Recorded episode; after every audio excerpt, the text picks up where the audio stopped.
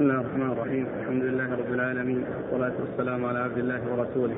نبينا محمد وعلى آله وصحبه أجمعين. أما بعد قال الإمام الحافظ أبو عيسى الترمذي يرحمه الله تعالى في جامعه باب ما جاء لكل أهل بلد رؤيتهم. قال حدثنا علي بن حجر. قال حدثنا إسماعيل بن جعفر. قال حدثنا محمد بن أبي حرملة. قال أخبرني كريب أن أم الفضل بنت الحارث رضي الله عنها بعثته إلى معاوية رضي الله عنه بالشام. قال فقدمت الشام فقضيت حاجتها واستهل علي هلال رمضان وأنا بالشام. فرأينا الهلال ليلة الجمعة ثم قدمت المدينة في آخر الشهر. فسألني ابن عباس رضي الله عنهما ثم ذكر الهلال فقال متى رأيتم الهلال؟ فقلت رأيناه ليلة الجمعة. فقال أأنت رأيته ليلة الجمعة؟ فقلت رآه الناس وصاموا وصام معاوية. قال لكن رأيناه ليلة السبت فلا نزال نصوم حتى نكمل ثلاثين يوما أو نراه. فقلت ألا تكتفي برؤية معاوية وصيامه؟ قال لا. هكذا أمرنا رسول الله صلى الله عليه وآله وسلم. قال أبو عيسى حديث ابن عباس حديث حسن صحيح غريب والعمل على هذا عند أهل العلم. أن لكل أهل بلد رؤيتهم. بسم الله الرحمن الرحيم. الحمد لله رب العالمين وصلى الله وسلم وبارك على عبده ورسوله نبينا محمد وعلى آله وأصحابه أجمعين. أما بعد فيقول الإمام أبو عيسى الترمذي رحمه الله في جامعة باب لكل أهل بلد. رؤيتهم. رؤيتهم. نعم. باب لكل أهل بلد رؤيتهم. هذه الترجمة تتعلق برؤية الهلال.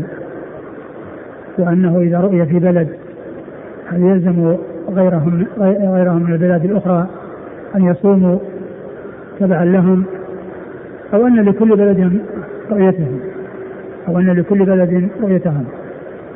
وقد اختلف العلماء في ذلك.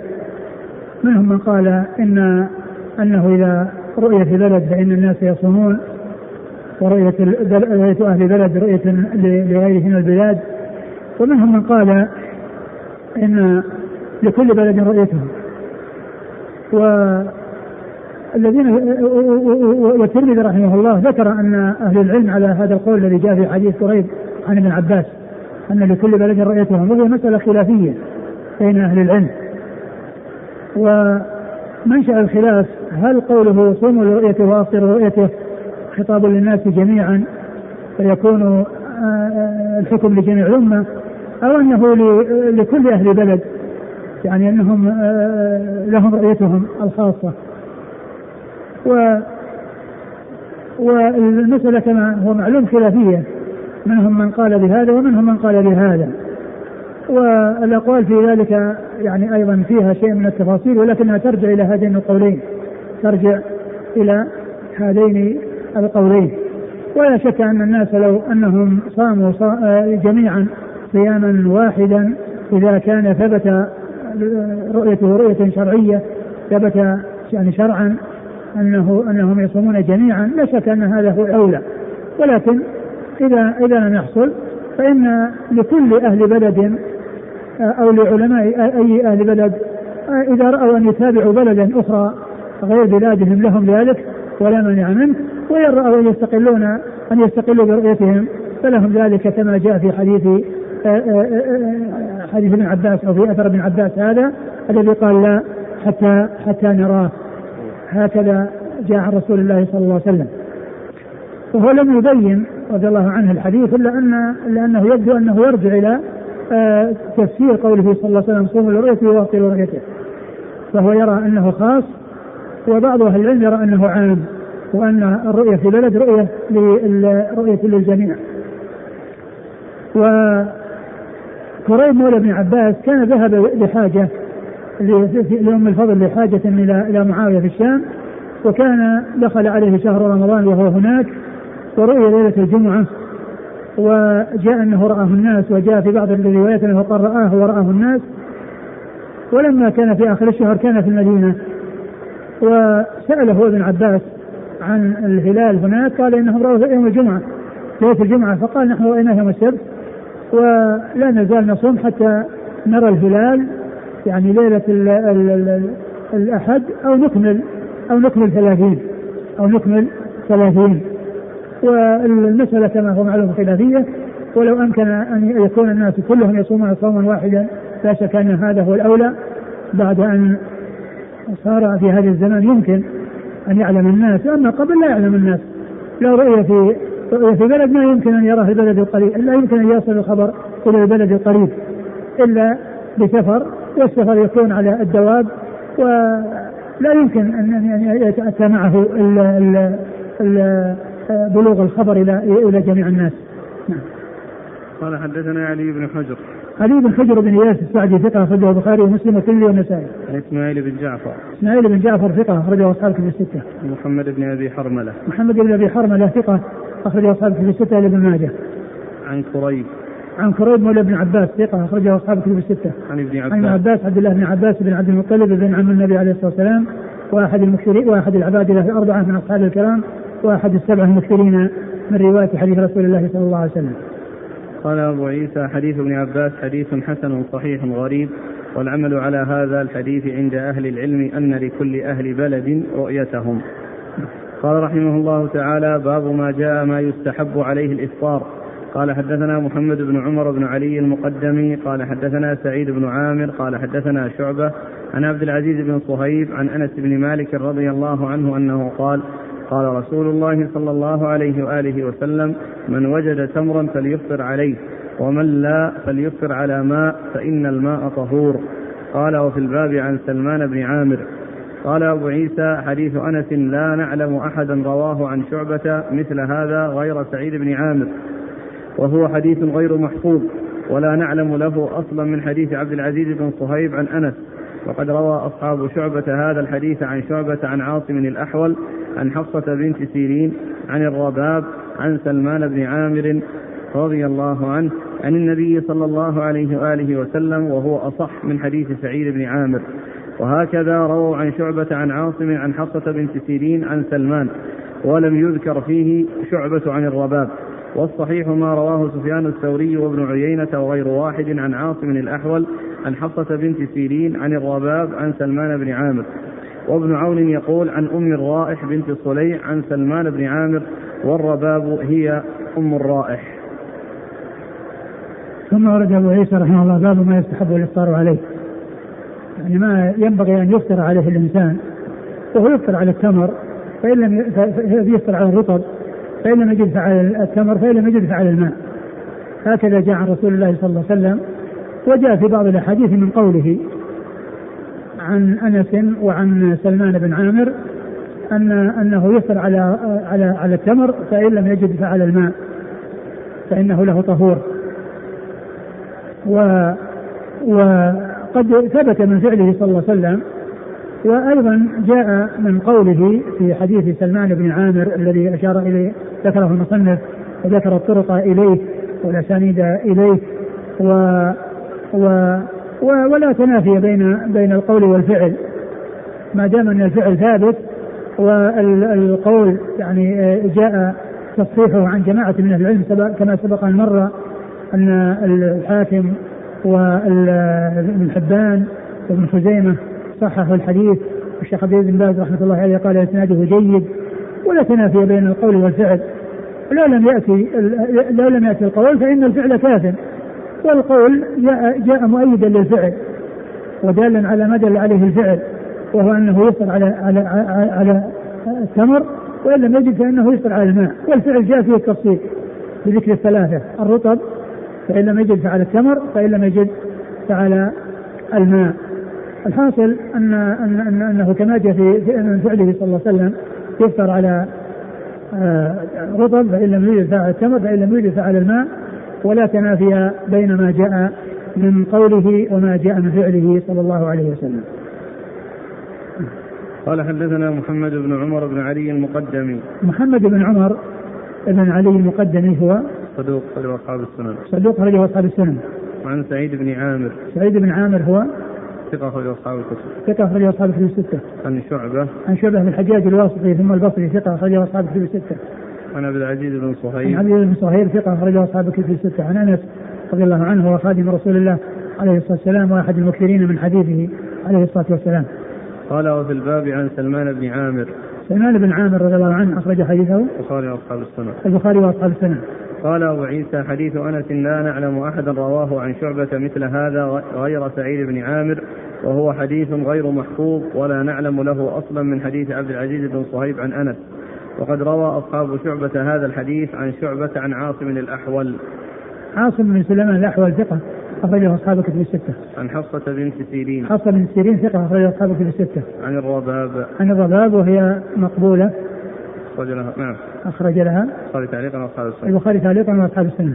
عن سلمان بن عامر عن النبي صلى الله عليه وسلم وهو أصح من حديث سعيد بن عامر نعم. وهكذا روى عن شعبة عن عاصم عن حفصة بنت سيرين عن سلمان ولم ولم يذكر فيه شعبة عن الرباب والصحيح ما رواه سفيان الثوري سفيان بن سعيد بن مسروق الثوري ثقة فقيه أخرجه أصحاب الكتب الستة. وابن عيينة وابن عيينة ثقة أخرجه أصحاب الكتب الستة. وغير واحد عن عاصم الأحول عن حصة بنت سيرين عن الرباب عن سلمان بن عامر وابن عون ابن عون عبد الله بن عون ثقة أخرجه أصحاب الكتب الستة. يقول عن أم الرائح بنت صليح عن سلمان بن عامر والرباب هي أم الرائح. نعم. قال حدثنا محمود بن غيلان قال حدثنا وكيع قال حدثنا سفيان عن عاصم الأحول قال حا وحدثنا هناد قال حدثنا أبو معاوية عن عاصم الأحول وحدثنا قتيبة قال أنبأنا سفيان بن عيينة عن عاصم الأحول عن حفصة بنت سيرين عن الرباب عن سلمان بن عامر الضبي رضي الله عنه عن النبي صلى الله عليه وآله وسلم أنه قال إذا أفطر أحدكم فليفطر على تمر. زاد ابن عيينة فإنه بركة. فمن لم يجد فليفطر على ماء. فإنه طهور. قال أبو عيسى هذا حديث حسن صحيح. قال حدثنا محمود بن غيلان. محمود بن غيلان الدمشقي ثقة أخرجه أصحاب الكتب الستة إلا أبا داود. عن وكيع. وكيع بن الجراح الرؤاسي الكوفي ثقة أخرجه أصحاب الكتب الستة. عن سفيان عن عاصم الأحول. قال حا وحدثنا هناد. هناد بن السري أبو السري ثقة أخرجه البخاري في خلق العباد ومسلم وأصحاب السنة. عن أبي معاوية. أبو معاوية محمد بن خازم الضرير الكوفي ثقة أخرجه أصحاب الكتب الستة. عن عاصم الأحول. قال وحدثنا قتيبة. قتيبة بن سعيد بن جميل بن طريف البغلاني ثقة أخرجه أصحاب في الستة. قال أنبانا سفيان بن عيينة عن عاصم الأحول عن حفصة بنت سيرين عن الرباب عن سلمان بن عامر الضبي. نعم. قال حدثنا محمد بن رافع قال حدثنا عبد الرزاق قال أخبرنا جعفر بن سليمان عن ثابت عن أنس بن مالك رضي الله عنه أنه قال كان النبي صلى الله عليه وآله وسلم يفطر قبل أن يصلي على رطبات فإن لم تكن رطبات فتميرات فإن لم تكن تميرات حسى حسوات من ماء قال أبو عيسى هذا حديث حسن غريب. قال أبو عيسى وروي أن رسول الله صلى الله عليه وآله وسلم كان يفطر في الشتاء على تمرات وفي الصيف على الماء. ثم روي أبو عيسى حديث أنس بن مالك رضي الله عنه من فعله صلى الله عليه وسلم وأنه كان يفطر على رطبات فإن لم يجد فعلى تميرات فإن لم يجد حسى حسوات من ماء وهذا من قول من فعله صلى الله عليه وسلم وما مضى هو من قوله وكل من القول والفعل يعني متعاضدان ومتفقان فيكون الإفطار على هذا الذي على هذا التفصيل وعلى هذا الترتيب الذي جاء في هذا الحديث.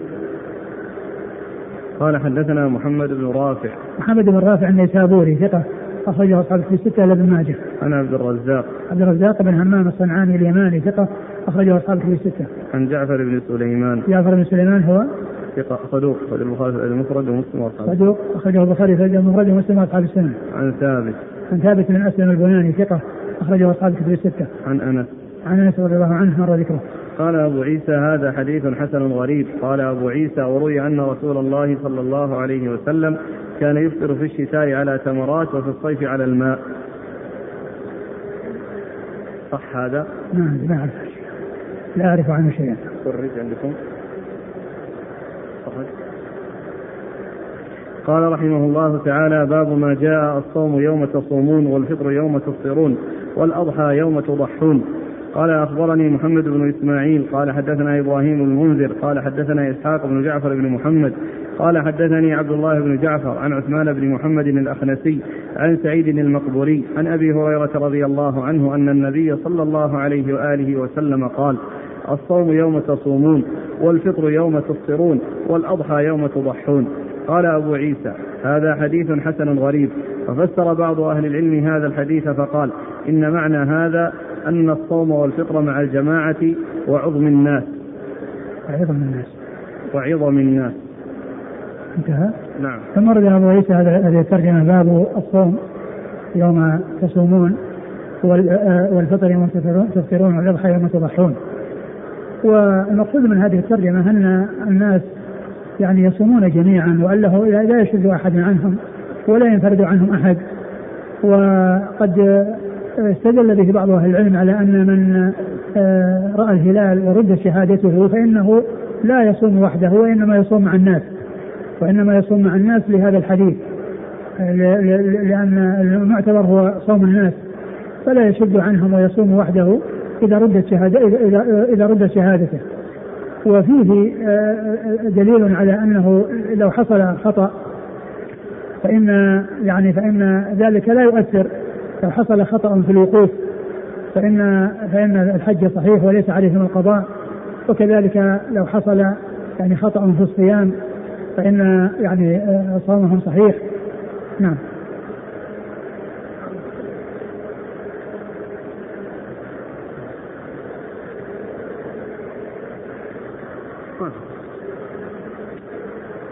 قال أخبرني محمد بن إسماعيل. محمد بن إسماعيل هو البخاري وهو من روى له الترمذي والنسائي. عن إبراهيم بن المنذر. إبراهيم بن المنذر هو؟ صدوق صدوق البخاري والترمذي والنسائي بن ماجه. صدوق هو البخاري والترمذي والنسائي بن ماجه. عن إسحاق بن جعفر بن محمد. إسحاق بن جعفر بن محمد هو؟ صدوق أخرجه البخاري في جزء القراءة والترمذي وابن ماجه. صدوق أخرجه البخاري في جزء القراءة والترمذي وابن ماجه. عن عبد الله بن جعفر. عن عبد الله بن جعفر وهو؟ ليس به بأس. ليس به بأس وهو بمعنى صدوق أخرج له البخاري تعليقا ومسلم وأصحاب السنن. البخاري تعليقا ومسلم وأصحاب السنن. عن عثمان بن محمد الأخنسي. عن عثمان بن محمد الأخنسي وهو صدوق له أوهام. صدوق له أوهام أخرج حديثه أصحاب السنن. أصحاب السنن. عن سعيد المقبوري. عن سعيد المقبوري وهو ثقة أخرجه أصحاب كتب الستة. عن أبي هريرة. عن أبي هريرة عبد الرحمن بن صخر الدوسي رضي الله عنه أكثر الصحابة حديثا. قال أبو عيسى هذا حديث حسن غريب. وفسر بعض أهل العلم هذا الحديث فقال إنما معنى هذا أن الصوم والفطر مع الجماعة وعظم الناس.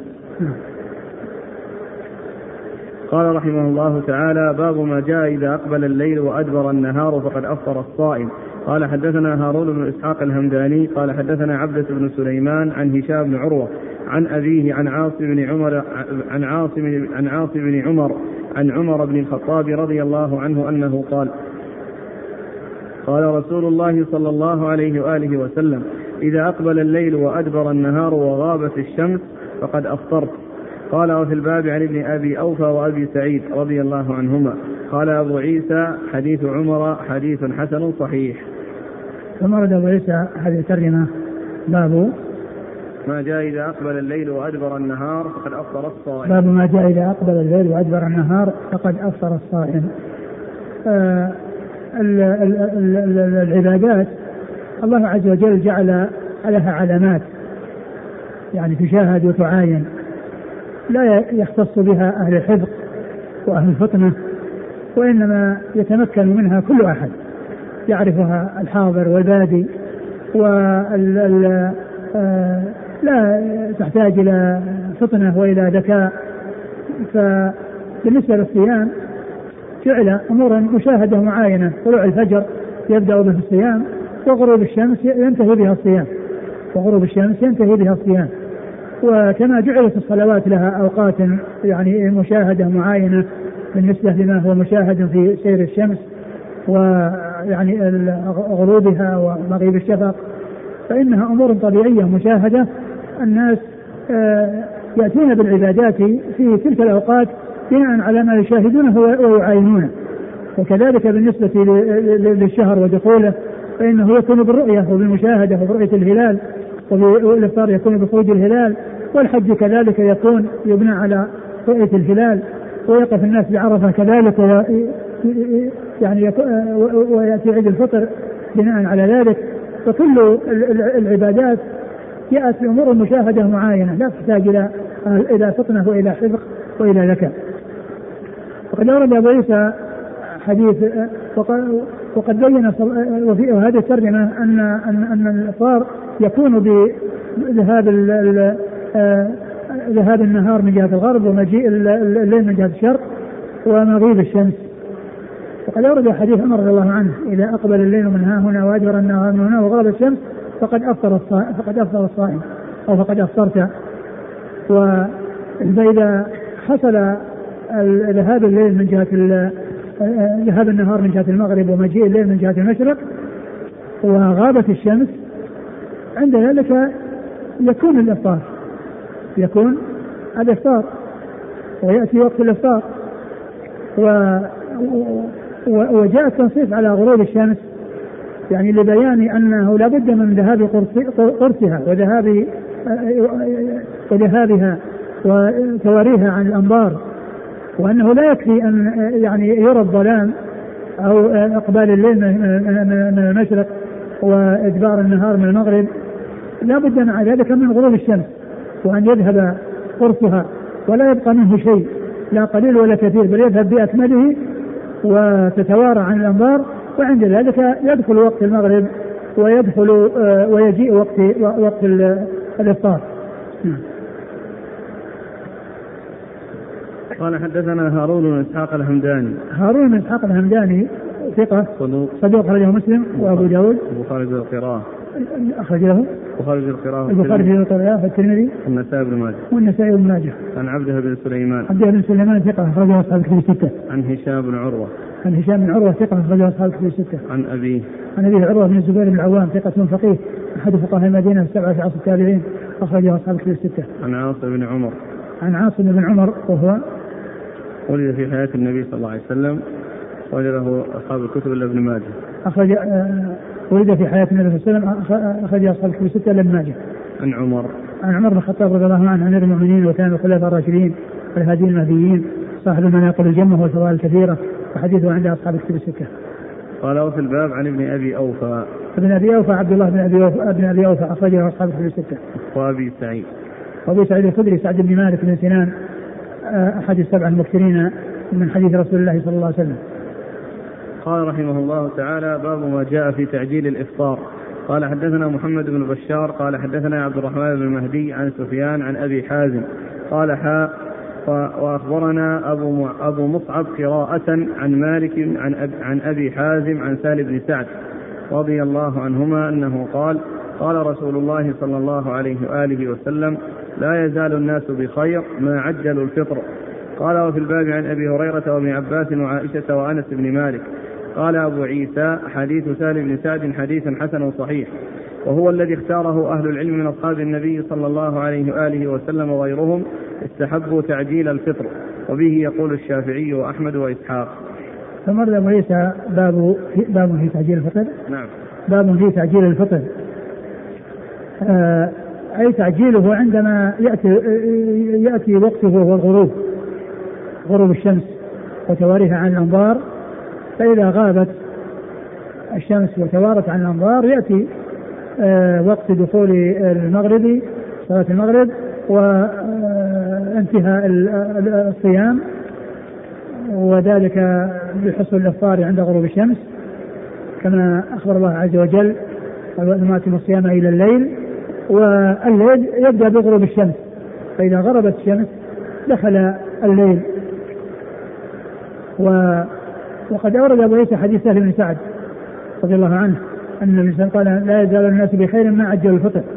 لا يزال الناس بخير ما عجل الفطر يعني مدة تعجيلهم الفطر أو وقت يعني حال تعجيلهم الفطر وذلك لمبادرتهم إلى آه، آه، الأخذ بما جاء عن رسول الله صلى الله عليه وسلم من الترغيب في التعجيل والمبادرة إليه وعدم التأخير فإن هذا هو الذي آه، دلت الأدلة عن رسول الله عليه الصلاة والسلام على استحبابه وعلى تفضيله وعلى أنه الأولى وأنه الأمر المستحب.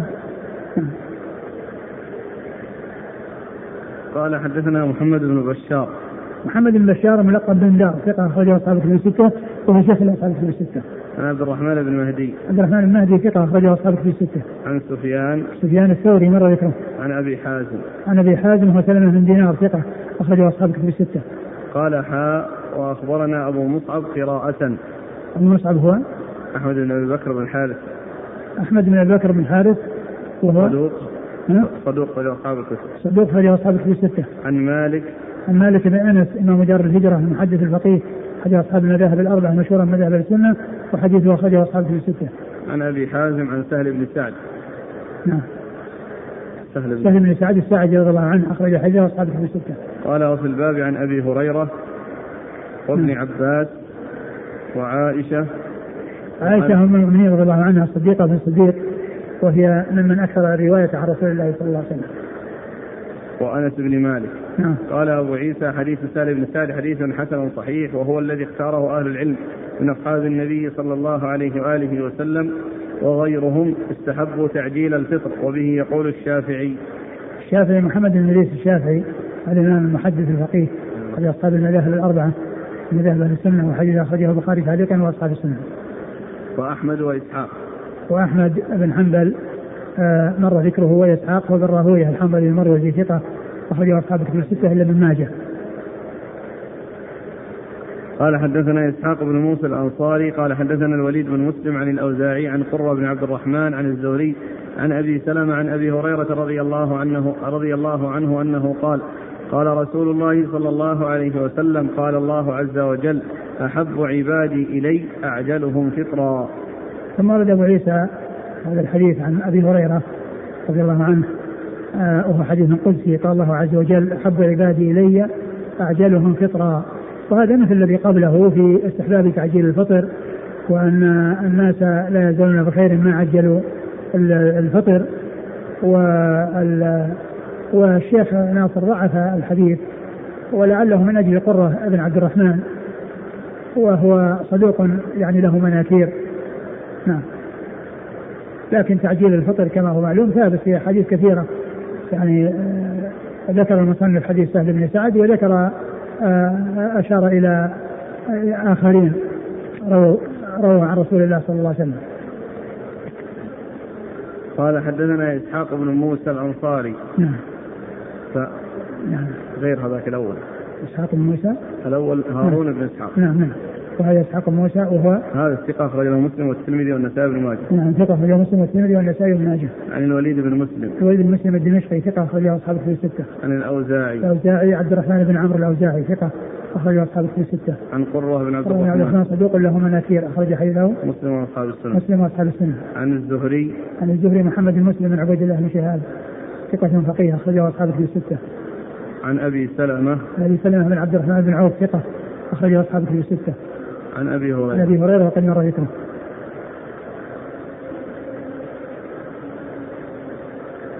قال حدثنا عبد الله بن عبد الرحمن قال أخبرنا أبو عاصم وأبو المغيرة عن الأوزاعي بهذا الإسناد نحوه. قال أبو عيسى هذا حديث حسن غريب. آه، آه، قال أخبرنا حدثنا عبد الله بن عبد الرحمن. عبد الله بن عبد الرحمن هو الدارمي. عبد الله بن عبد الرحمن الدارمي وهو ثقة أخرج حديثه مسلم وأبو داود الترمذي مسلم وأبو داود الترمذي عن أبي عاصم عن أبي عاصم وهو النبيل الضحاك بن مخلد وهو ثقة أخرجه أصحاب الكتب الستة. وأبو المغيرة. وأبو المغيرة هو عبد عبد القدوس بن الحجاج. نعم.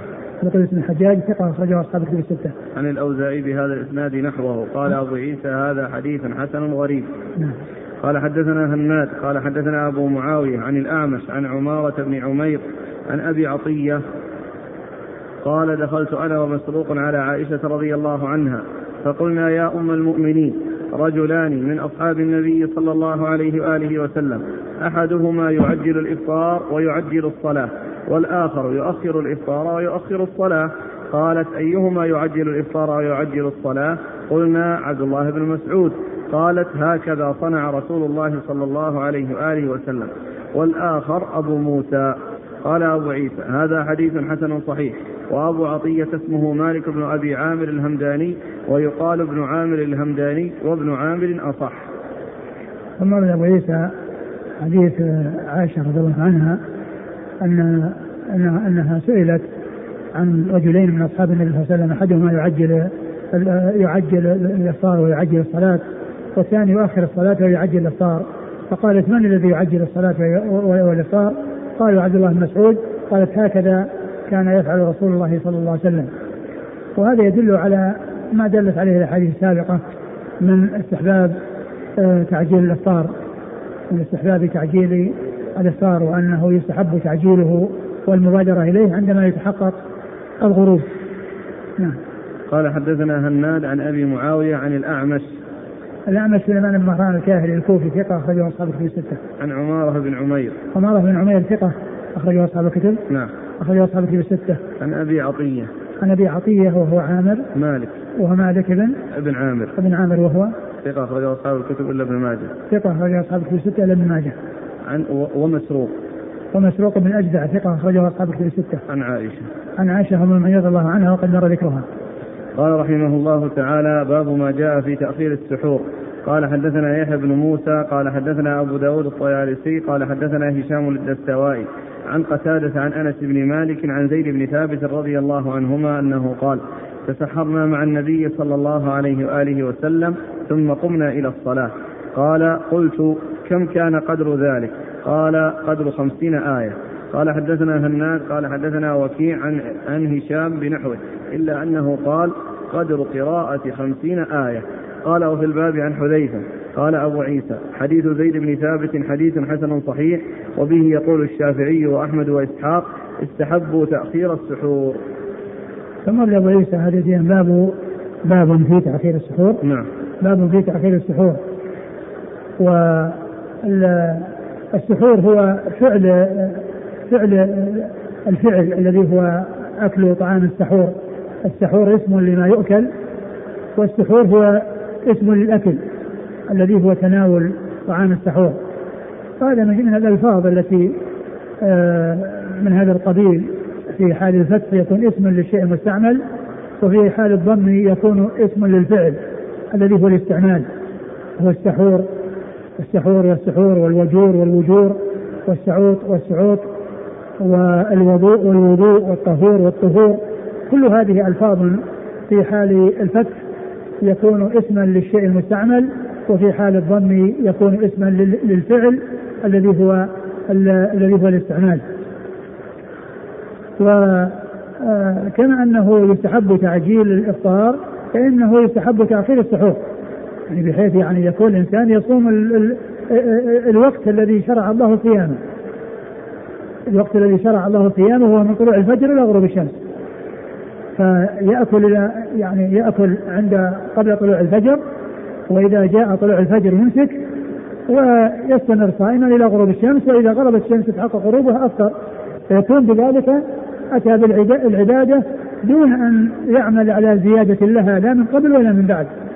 لا من قبل ولا من بعد وإنما يأتي بها وفقا لما أمر به بدءا من طلوع الفجر وختما بغروب الشمس. قد أورد أبو عيسى حديث زيد بن ثابت رضي الله عنه قال تسحرنا مع رسول الله صلى الله عليه وسلم ثم قام إلى الصلاة. قل كم قلنا كم كان بين ذلك؟ قال قدر قال خمسين آية. يعني قدر قراءة خمسين آية. والمقصود بذلك أنهم أمسكوا عن الأكل عند الأذان عند الأذان الثاني الذي هو لدخول الوقت. ثم قام إلى قام, قام إلى الصلاة. قال كم كان بين الأذان والسحور؟ كم كان بين في بعض في الصحيح كم كان بين الأذان والسحور. يعني كم كان بين الإقامة والسحور الذي هو الامساك عن السحور وذلك لحصول الأذان. قال قدر خمسين آية يعني مقدار قراءة خمسين آية بين الأذان والإقامة. ومعنى ذلك أنه آه، يكون الإمساك عند طلوع الفجر وعند حصول الأذان للفجر اللي هو الأذان الثاني و آه، آه، وفي ذلك دليل على تأخير السحور. وفي ذلك دليل على تأخير السحور لأنه قد تسحرنا ثم قام إلى الصلاة. قلنا كان كان بين الأذان والسحور أي الأذان اللي هو عند دخول الوقت قال قدر خمسين آية. أي قدر خمسين قراءة خمسين آية. نعم. قال حدثنا يحيى بن موسى. يحيى بن موسى نعم. عن أبي داود الطيالسي أبي داود الطيالسي هو سليمان بن داود ثقة أخرجه البخاري تعليقا ومسلم وأصحاب السنة. عن هشام الدستوائي. هشام الدستوائي ثقة أخرجه أصحاب الكتب الستة. عن قتادة. عن قتادة من دعامه السدوسي البصري ثقة أخرجه أصحاب الكتب الستة. عن أنس بن مالك عن زيد بن ثابت. عن أنس بن مالك رضي الله عنه عن زيد بن ثابت رضي الله عنه وحديثه أخرجه أصحاب الكتب الستة. قال حدثنا هناد عن وكيع عن هشام بنحوه إلا أنه قال قدر قراءة خمسين آية. قال وفي الباب عن حذيفة. حذيفة بن اليمان رضي الله عنهما أخرج حديثه أصحاب الكتب الستة. قال حديث زيد بن ثابت حديث حسن صحيح وبه يقول الشافعي وأحمد وإسحاق استحبوا تأخير السحور. قال رحمه الله تعالى باب ما جاء في بيان الفجر. قال حدثنا هناد قال حدثنا ملازم بن عمرو. قال حدثني عبد الله بن النعمان عن قيس بن طلق. قال حدثني أبي طلق بن علي رضي الله عنه. أن رسول الله صلى الله عليه وآله وسلم قال كلوا واشربوا ولا يهدي ولا يهيدنكم الساطع المصعد أو المصعد وكلوا واشربوا حتى يعترض لكم الأحمر. قال وفي الباب عن علي بن حاتم وأبي ذر وسمرة رضي الله عنهم. قال أبو عيسى حديث طلق بن علي حديث حسن غريب من هذا الوجه. والعمل على هذا عند أهل العلم أنه لا يحرم على الصائم الأكل والشرب حتى يكون الفجر الأحمر المعترض وبه يقول عامة أهل العلم. ثم رد أبو عيسى هذه الترجمة باب في بيان الفجر. باب في بيان الفجر أي الفجر الذي يكون عنده الإمساك الفجر الذي يكون عنده الإمساك عن الأكل والشرب والذي يبدأ به الصيام وهو الذي يكون عنده الأذان الذي يحل معه يحل, يحل معه الإتيان بصلاة الصبح ويحرم معه الأكل والشرب ويحرم معه الأكل والشرب. فالأذان الثاني الذي يكون يدخل الوقت يحل معه يحل عند وجوده الإتيان بصلاة الفجر لأنه دخل وقتها ويحرم عنده الأكل والشرب لأنه دخل النهار وذهب الليل ولا يجوز الأكل بالنهار. وقد جاء في القرآن من الفجر يعني حتى يتبين من خطر الأسد من الفجر. وهذا الفجر مقصود به المعترض الذي يكون معترضا في الأفق ثم لا يزال يتزايد حتى تطلع الشمس. وقد أورد أبو عيسى حديث طلق بن علي. طلق بن علي رضي الله تعالى عنه أن الرسول صلى الله عليه وسلم قال لا يهيدنكم الساطع. الساطع المصعد. المصعد. والمقصود من ذلك الفجر الذي يقال له الكاذب الذي يكون مستطيلا في الأفق. يعني يخرج ويصير مستطيلا في الأفق ليس معترضا. فإن هذا لا تحل لا يحل عنده الاتيان بصلاة الفجر ويحل معه الأكل والشرب. حتى يأتي الأحمر المعترض الذي لا يزال يتزايد مع اعتراضه في الأفق حتى تطلع الشمس. هذا ال هذا ال يعني هذا الفجر المعترض الذي يكون ضياءه معه حمرة ويكون معترضا في الأفق والذي يتزايد شيئا فشيئا حتى تطلع الشمس هذا هو الذي إذا وجد جاء وقت أذان الفجر وحل الاتيان بصلاة الفجر وحرم الأكل والشرب. وحرم الأكل والشرب وهو الذي يتبين به الخيط الأسود من الخيط الأبيض يعني يتبين به النهار من الليل. يتبين به النهار من الليل من الفجر وذلك بهذا المعترض الذي يكون في الأفق. فالفجر فجران فجر صادق وفجر كاذب.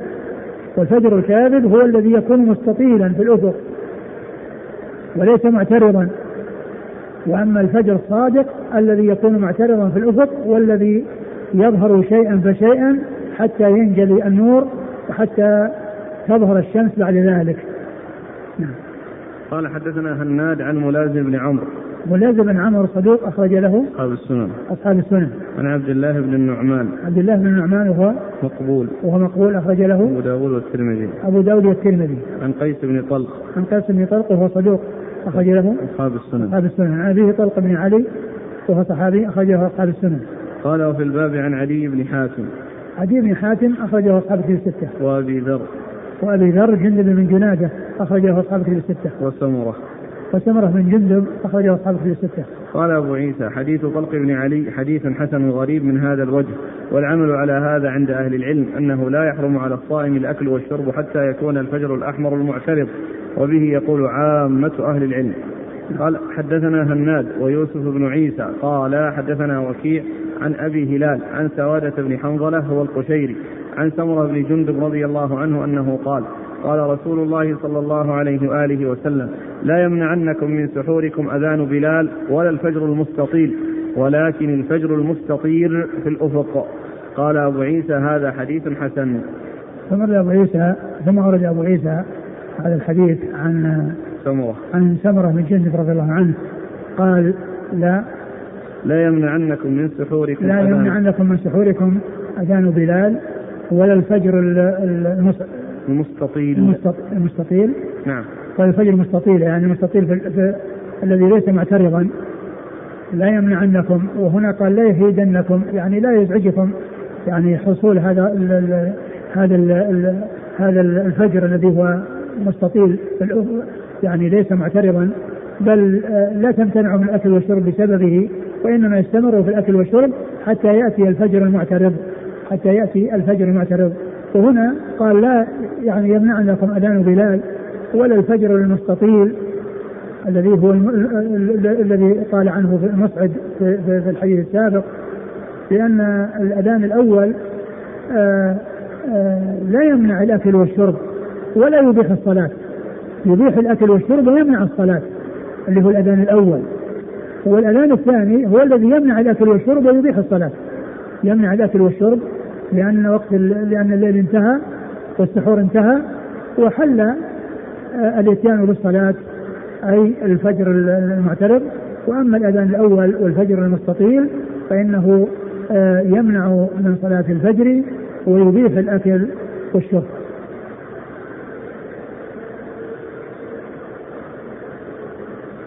قال حدثنا هناد ويوسف بن عيسى يوسف بن عيسى هو ثقة أخرج له البخاري ومسلم والترمذي والنسائي ثقة أخرج البخاري ومسلم والترمذي والنسائي عن وكيع عن أبي هلال أبي هلال أبو هلال هو محمد بن سليم الرافدي صدوق فيه لين أخرج البخاري تعليقا وأصحاب السنن. محمد بن سليم صدوق فيه لين أخرج حيثه البخاري تعليقا. البخاري تعليقا ومسلم وأصحاب السنن. البخاري تعليقا. وأصحاب السنن. وأصحاب السنن. عن سوادة بن حنظلة. سوادة بن حنظلة هو صدوق أخرجه مسلم وأبو داود الترمذي والنسائي. صدوق أخرجه مسلم وأبو داود والترمذي والنسائي. عن سمرة بن جندب. عن سمرة بن جندب رضي الله عنه. قال أبو عيسى هذا حديث حسن قال رحمه الله تعالى باب ما جاء في التشديد في الغيبة للصائم. والله تعالى أعلم وصلى الله وسلم وبارك على عبده ورسوله نبينا محمد وعلى آله وأصحابه أجمعين. جزاكم الله خيرا وبارك الله فيكم ونفعنا الله بما قلتم. أنه لا يشرب إلا الطهور. يعني لبيان الله الله أعلم أنه لبيان وصفه وأنه يعني آه هذا شأنه وهذا وصفه. ولا شك أنه يعني آه هو طهور وكما أنه يطهر مطهر للخارج. فإنه آه، كذلك من ناحية من ناحية الداخل فإن فإن فيه حياة الناس وفيه آه، بقايا الناس. ولا يبقى الناس بدون الماء. فوصف بها طهور لأن هذا هو هذا هو شأنه.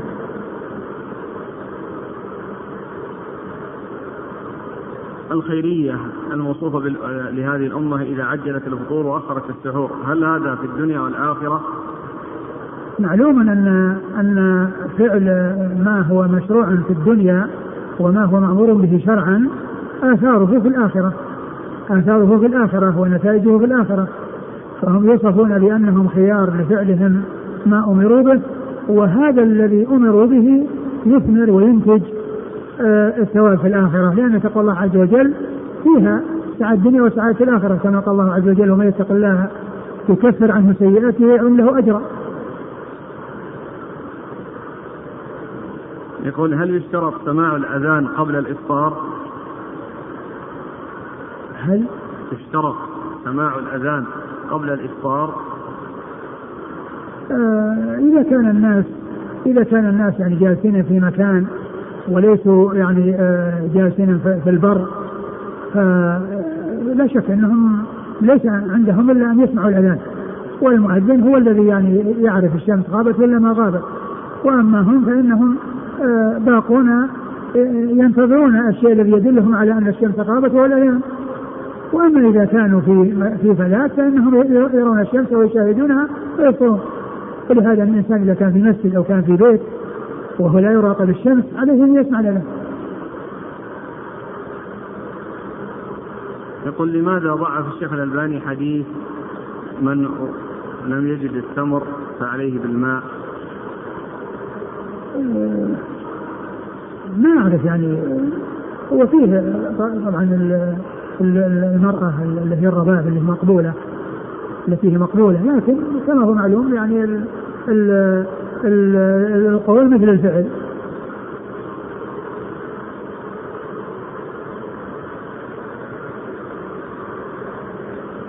الحديث وروي أن الرسول صلى الله عليه وسلم يفطر في الشتاء على تمرات وفي الصيف على الماء. هنا في سنن الترمذي بتعليق الشيخ جاءت بين الإرواء وصحيح أبي داود يعني الحديث هذا؟ إيه الأخير هذا. لا لا أعرف عنه شيء.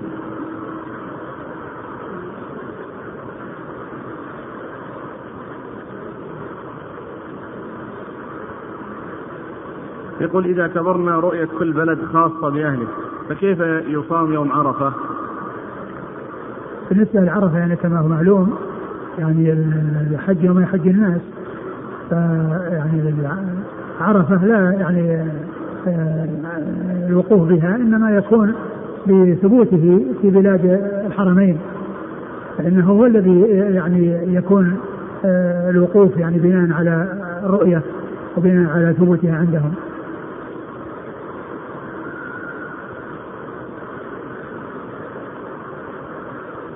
يقول كيف يكون تأخير الإفطار وما ضابطه حتى نحذر منه؟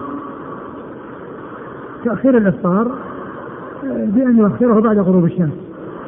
بأن يؤخره بعد غروب الشمس هذا هو الذي يكون به التأخير.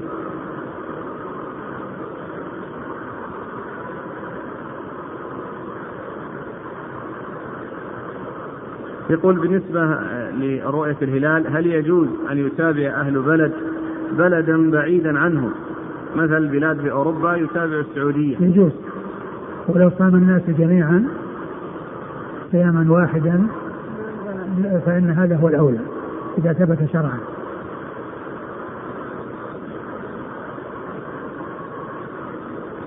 لا الناس كما كما مثل ما مر يوم صومك يوم تصومون. يعني لا يشد عن الناس وإنما يصوم مثل مثل ما يصوم أهل البلد.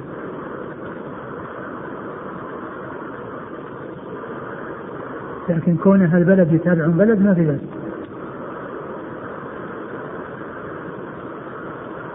يقول عندنا في البلاد بعض الناس يفطرون قبل الأذان لأن الأذان يؤذن بعد الغروب بخمس دقائق.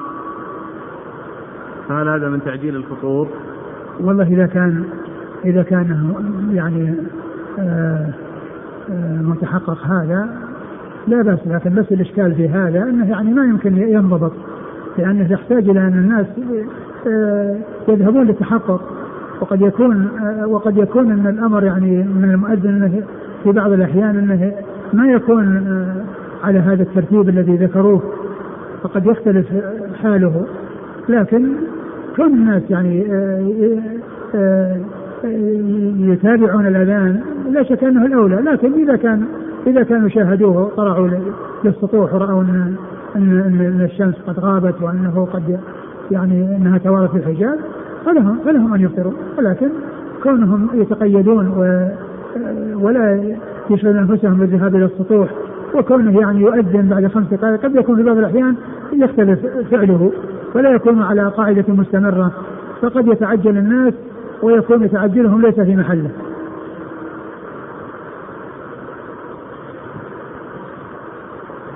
يقول من رأى الهلال وحده ولم تقبل شهادته في ذلك ألا يجب عليه الإمساك لأن الشهر قد دخل في حقه وقد تحقق من ذلك استدلالا بعموم قوله صوموا لرؤيته.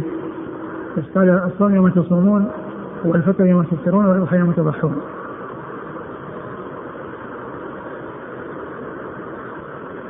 يقول عندنا في كوسوفا بل في البلقان كله لا ينظرون الهلال بل هم تبع لتركيا وفي تركيا أيضا لا ينظرون الهلال يقومون بالحساب. فهل لكل قوم هلال ونصوم معهم؟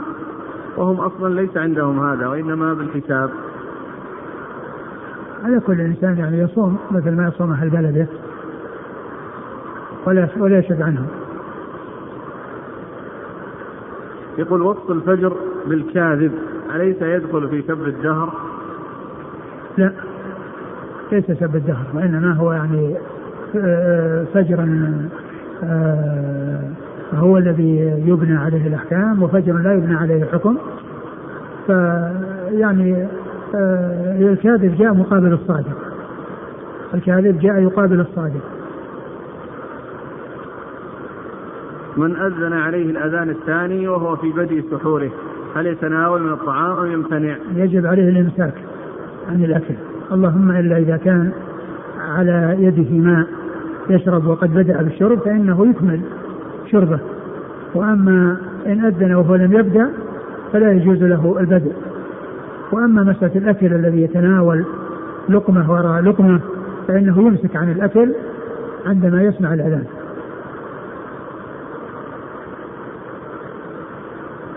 يقول من لم يجد ما يفطر عليه؟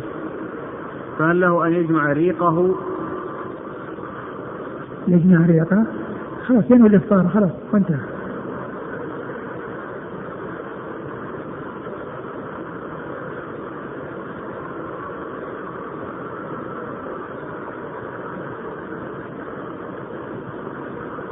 هذا يقول عندنا عجوز تقول أنا لا أصوم حتى يتبين لي الخيط الأبيض من الخيط الأسود. ولا أعتبر بالأذان. فهل تعذر بجهلها؟ آه عليها أن تكون مع الناس وأن يقال لها لا تشذي عن الناس. و وكونها يعني تراقب أو يعني هذا قد يلتبس عليها الأمر وإنما كونها تكون مع الناس خير لها من أن تشد عنهم. يقول السائل أذهب إلى الخارج لعملي لمدة أسبوع. أذهب؟ إلى الخارج لعمل لمدة أسبوع. وفي وقت الصلاة أجد حرجا لعدم وجود محلات للصلاة ولطول العمل من الصباح إلى المساء وهو متواصل. فهل لي أن أجمع بين الصلاتين؟ وهل لي أن أقصر أو أتم؟ ليس لك أن تجمع ولا تقصر.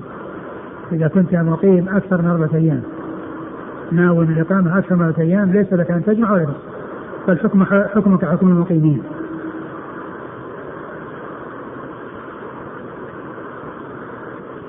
يقول الحديث أن الممسوخ لا يعيش أكثر من ثلاث أيام ثلاث أيام. قال السندي في حاشيته على النسائي أنه صحيح. رقم من أخرج النسائي. أخرج النسائي نفسه؟ يقول قال قال النساء قال السندي في حاشيته على النسائي أنه صحيح ووضع رقم الحديث. قال 4320 4000 و320 320 إيه. النسائي 4320 وذكره القرطبي في تفسير عند قوله في سورة البقرة كونوا قردة خاسئين. قال قال ابن عطية وروي عن النبي صلى الله عليه وسلم وثبت وذكر الحديث وعلق عليه المحقق أنه لم يثبت مرفوعا. هذا كل ينظر عند النسائي وإنما هو موقوف عن ابن عباس رضي الله عنه عند ابن كثير عن الضحاك عنه والضحاك لم يلقى ابن عباس. هذا كلام المحقق محقق القرطبي. يعني هذا اللي عند النسائي؟ لا هذا ما يعني نقل نقل آخر عن القرطبي. 4320 نعم.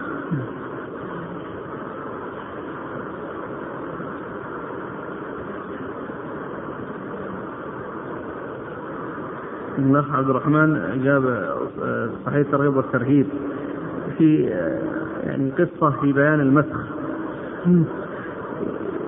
نقرأ من صحيح الترغيب والترهيب الجزء الثاني. وعن العوام بن حوشب قال نزلت مرة حيا وإلى جانب ذلك الحي مقبرة فلما كان بعد العصر انشق فيها قبر فخرج رجل رأسه رأس حمار وجسده جسد إنسان. فنهق ثلاث نهقات ثم انطبق عليه القبر. فإذا عجوز تغزل شعرا أو صوفا.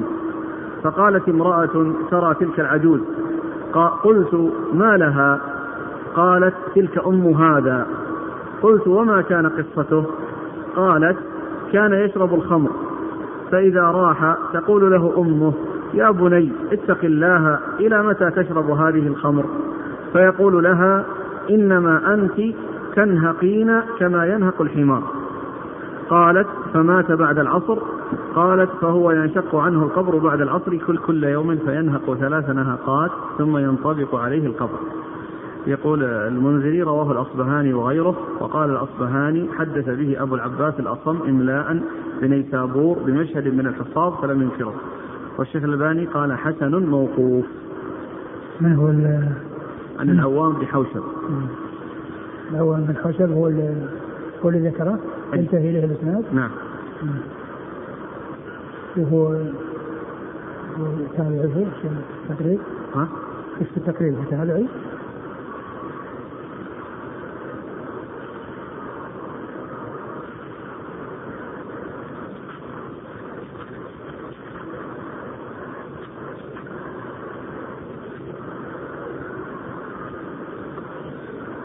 من السادسة مات سنة ثمان وأربعين. من أربعين يعني ومئة. نعم.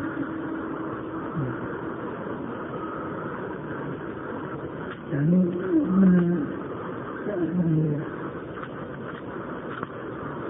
يعني يعني موقوف يعني يعني مقطوع.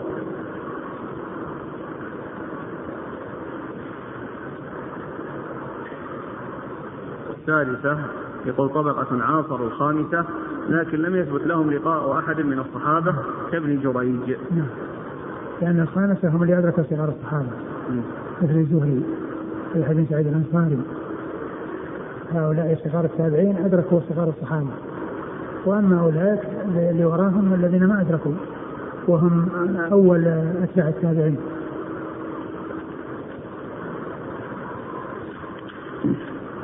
فائدة. نقل أبو بكر محمد بن عبد الله المعروف بن العربي في أحكام القرآن الجزء الأول صفحة 128 182 المسألة الخامسة عشرة.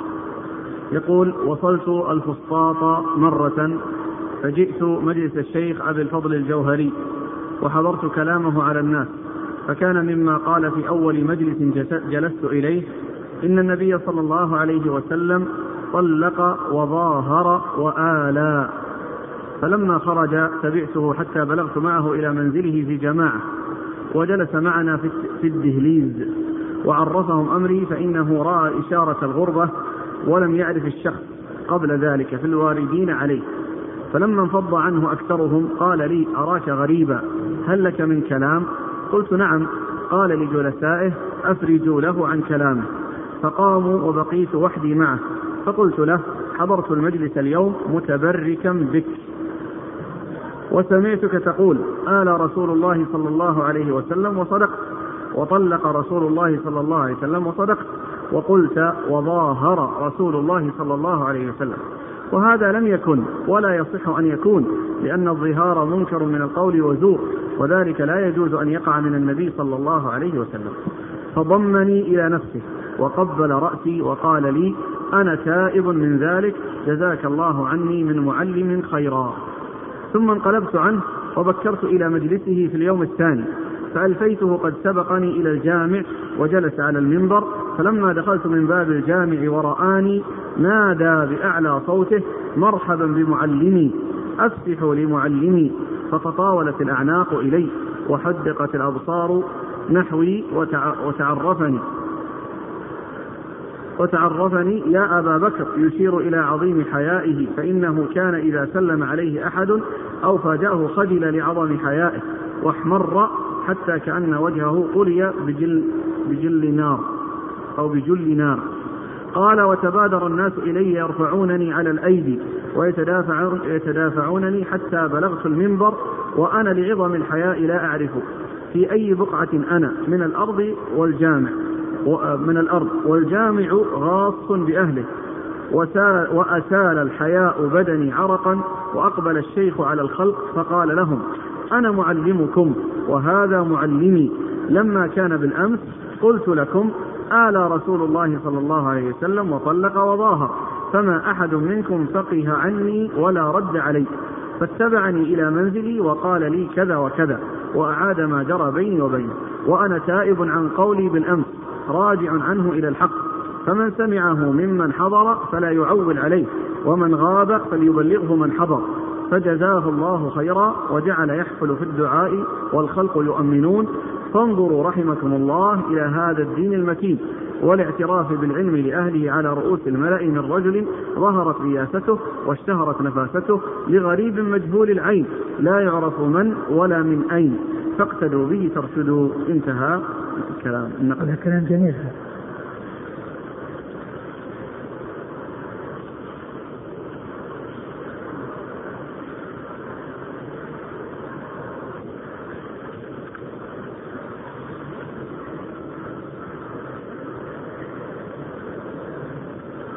يقول آه ذكرها في أي مكان؟ أحكام القرآن الجزء الأول 182 182 نعم. المسألة الخامسة عشر الخامسة عشر.